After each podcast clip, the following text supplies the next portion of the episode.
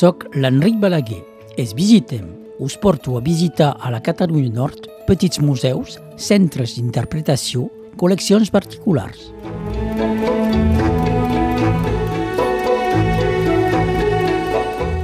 Tornem a Elna, a la maternitat suïssa, que de 1939 a 1944 va acollir mares embarassades, la major part sortien dels camps de concentracions russionesos.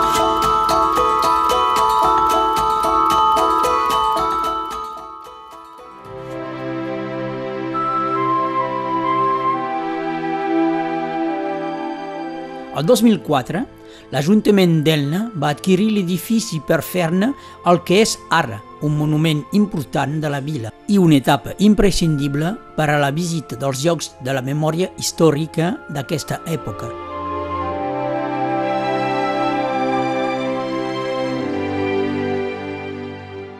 La visita de la maternitat segurament que fa part d'un circuit que fan la gent amb el Museu de la Junquera, el Memorial de Ribes Altes, la maternitat. Hi ha un conveni que es va firmar amb Argelès, justament, eh, el Memorial de Ribes Altes. Ricard Nieto, de l'Ajuntament d'Elna. I és un conveni, de fet, que un conveni marc, eh, només pues, eh, per posar en plaça ja, ja Uh, pues un òrgan uh, de participació entre uh, llocs de memòria històrica aquí a la comarca. I ell va firmar a la Casa de la Generalitat un conveni que es va ampliar ja que uh, ha ingressat, diria, en aquest marc el MUME de la Junquera, que ara pues, uh, pertanyeria a aquesta xarxa de, de, de llocs de memòria històrica aquí a la comarca de, del Rossio.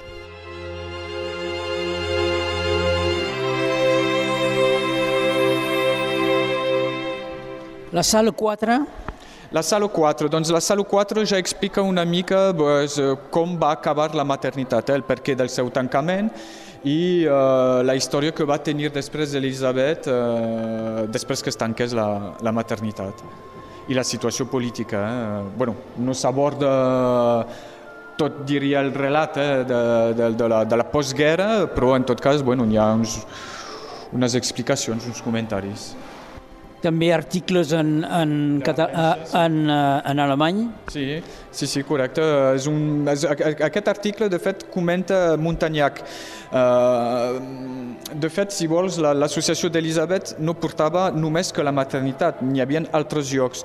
Doncs, de fet, aquí expliquem que uh, pues és això, és una xarxa eh, que es va organitzar i que es dedicava justament a ajudar els nens. Eh. Era la, el principal objectiu eren els nens, els infants. Una data important, 1944, la Gestapo tanca la maternitat. Sí, correcte. Pues, eh, tot això bueno, cal posar-lo en relació amb la història de l'estat francès. Sabem que el 42, de fet, totes aquestes associacions, perquè, com us he dit, hi havia els Quakers, hi havia l'associació de l'Elisabet i altres associacions, totes aquestes, aquestes associacions, com que els alemanys van ocupar íntegrament França, elles, aquestes associacions, estaven preocupades i decidiran de fet de reagrupar-se eh, sota el paraigües, diria, de eh, la Creu Roja suïssa. Tot això per tenir aquest estatut de neutralitat eh, en el marc de la guerra i com una mena de protecció. Eh?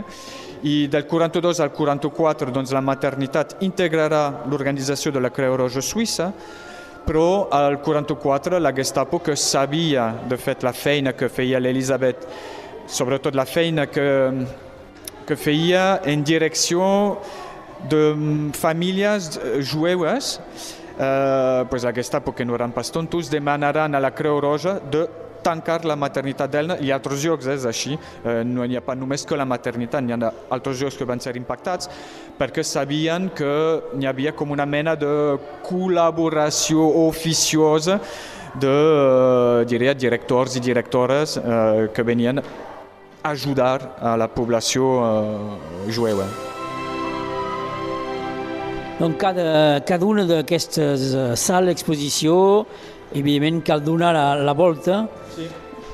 Sí, sí, cal donar la volta perquè, bueno, no és pas perquè tenim els comentaris sobre una façana que al darrere no hi ha res. No, no, de, de fet, aquí en aquesta sala 4 doncs, tenim el llistat de les persones que van néixer aquí la, a la maternitat.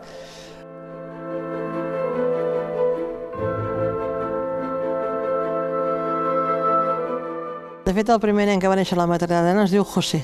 Assumpta Montellà, autora del llibre La maternitat d'Elna. I, i realment marca un punt d'inici amb una història que impressiona moltíssim. I amb el primer naixement el dia 7 de desembre, doncs evidentment era aquest punt d'inici d'aquesta gran història.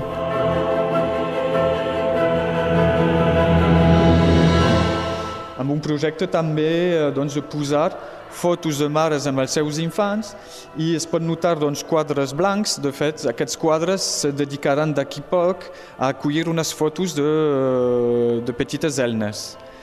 Doncs, de fet, què són les petites elnes? Les petites elnes són famílies eh, sud-catalanes, eh, la majoria, eh, el 98% són famílies sud-catalanes que han donat el nom d'Elna a la seva filla. Ja fa 7-8 anys que tenim a Catalunya de Sud famílies, és això eh, que us he dit, que donen aquest nom, tot això per retre homenatge a la història de la maternitat, a la història de l'Elisabet, bueno, i per, per donar més empenta, de fet, a la història de la retirada de l'exili republicà. Bueno.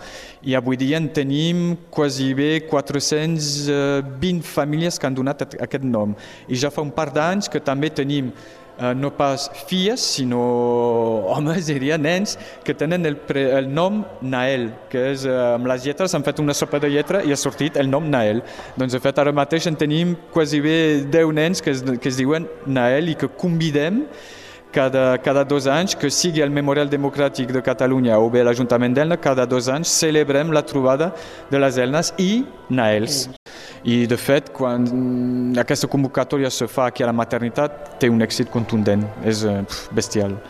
Donc el primer naixement el 7 de desembre 1939 i, i l'últim el 24 de juliol 1941 o 44, eh? molt més lluny sí perquè hi ha eh, eh, el 7 d'abril 1944 neix l'Elisabeth Marguerite Jeanne Correcte, és això. Al total, 595 eh, nens han nascut aquí a la, a la maternitat.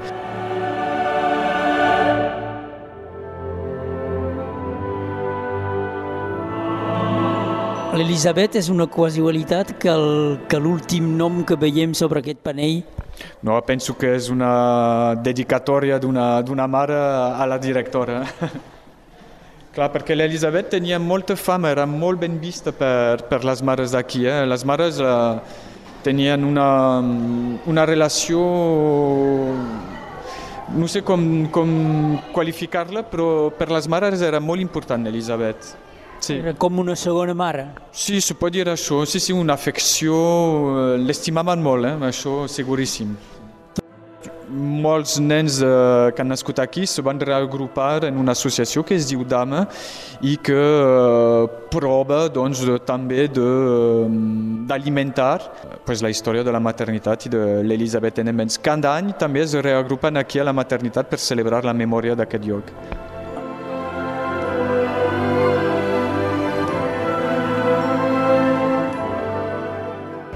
Vaig néixer a l'any 40. Josep Valero. El dia 12 del 3 del 40 i vaig néixer a Elna, o sigui, a la maternitat d'Elna, on aquesta senyora, l'Elisabet, eh, van portar la meva mare allà tres mesos abans de, del part i bueno, vaig néixer allà, em van cuidar fins que vaig tenir un any, un any i mig més o menys, jo vaig deixar la maternitat, a la maternitat d'Elna. Antoni Pou. Perquè la mare sempre m'havia dit que havia nascut a la maternitat d'Elna, però no m'havia explicat gaire cosa més, eh? perquè a casa eren quatre germans, el pare absent, i de lo de, de lo d'abans de la guerra se'n parlava poc. Gràcies a aquesta senyora, de l'Elisabet, estic viu. Tens la sensació de que vols veure allà on has nascut. I aquesta és la, la prioritat que, que vam tenir d'anar amb la meva senyora a veure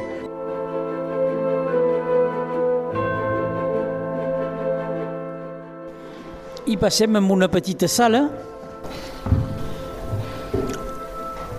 on eh, es parla de l'implicació sí. de, la, de la població. És això, doncs eh, és, una, és una sala mm, per la qual és, bueno, que és dedicada de fet a comentar eh, una comadrona que, que es deia la senyora Fiols, que venia aquí de forma benèvola a la maternitat per ajudar els equips de l'Elisabet Edenbens quan hi havia un part o quan hi havia complicacions en el marc eh, d'un part. Doncs aquesta liberenca, que és, un, és una dona, la senyora Fiols, bueno, va venir durant mesos i mesos aquí a la maternitat per, uh, per ajudar els equips. Sabem avui dia que és també una, una dona que era molt, amb un compromís molt important, que sigui a nivell social com també a nivell polític, ja que va quedar-se tinenta també d'alcaldia l'any 1945. 1945 a Elna. No. A l'alliberament va continuar d'una certa manera la seva tasca. Sí, també per, uh, bueno, per justificar també que uh, bueno, l'Elisabet Endembens que tenia aquest, aquesta potència, diria, d'una dona, eh, cal posar, en tot cas, cal posar en relació la situació de les dones als anys 40 a la situació de la dona avui dia.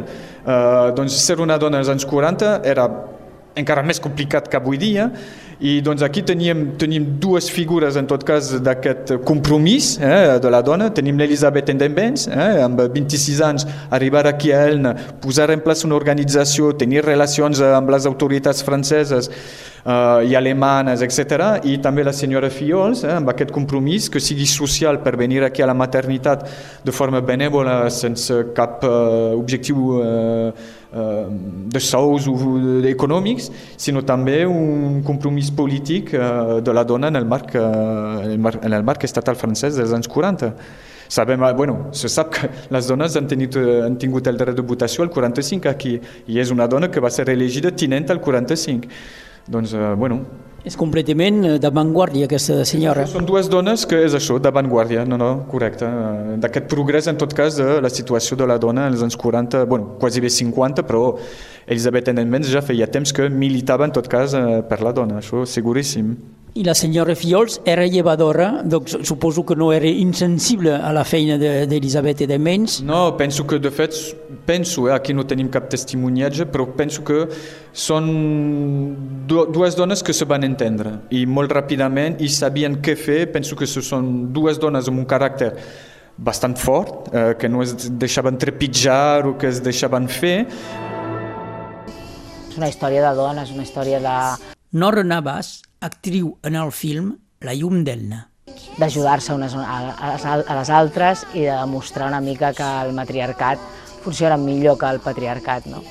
Les mares arribaven aquí, venien de l'infern i de cop entraven aquí i era una bombolla de, una bombolla de felicitat, no? per molt que va ser, va ser molt difícil portar aquesta casa i l'Elisabet va fer una feina absolutament admirable.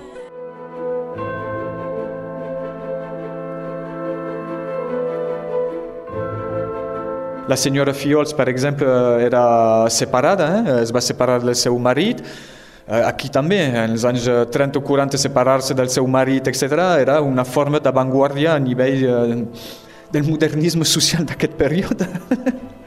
doncs no, no, penso que són dues dones que se van entendre molt ràpidament.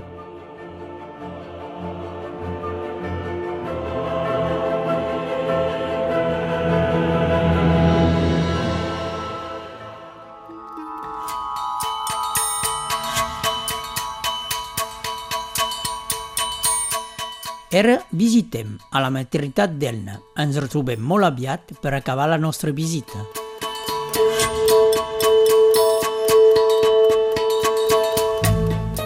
Realització i presentació Enric Balaguer. Gràcies a Ricard Nieto i Assumpta Montellà. Il·lustracions sonors, extractes del making of i del film La llum d'Elna de Sílvia Kerr. Música Federico Jossit i Lucio Godoy.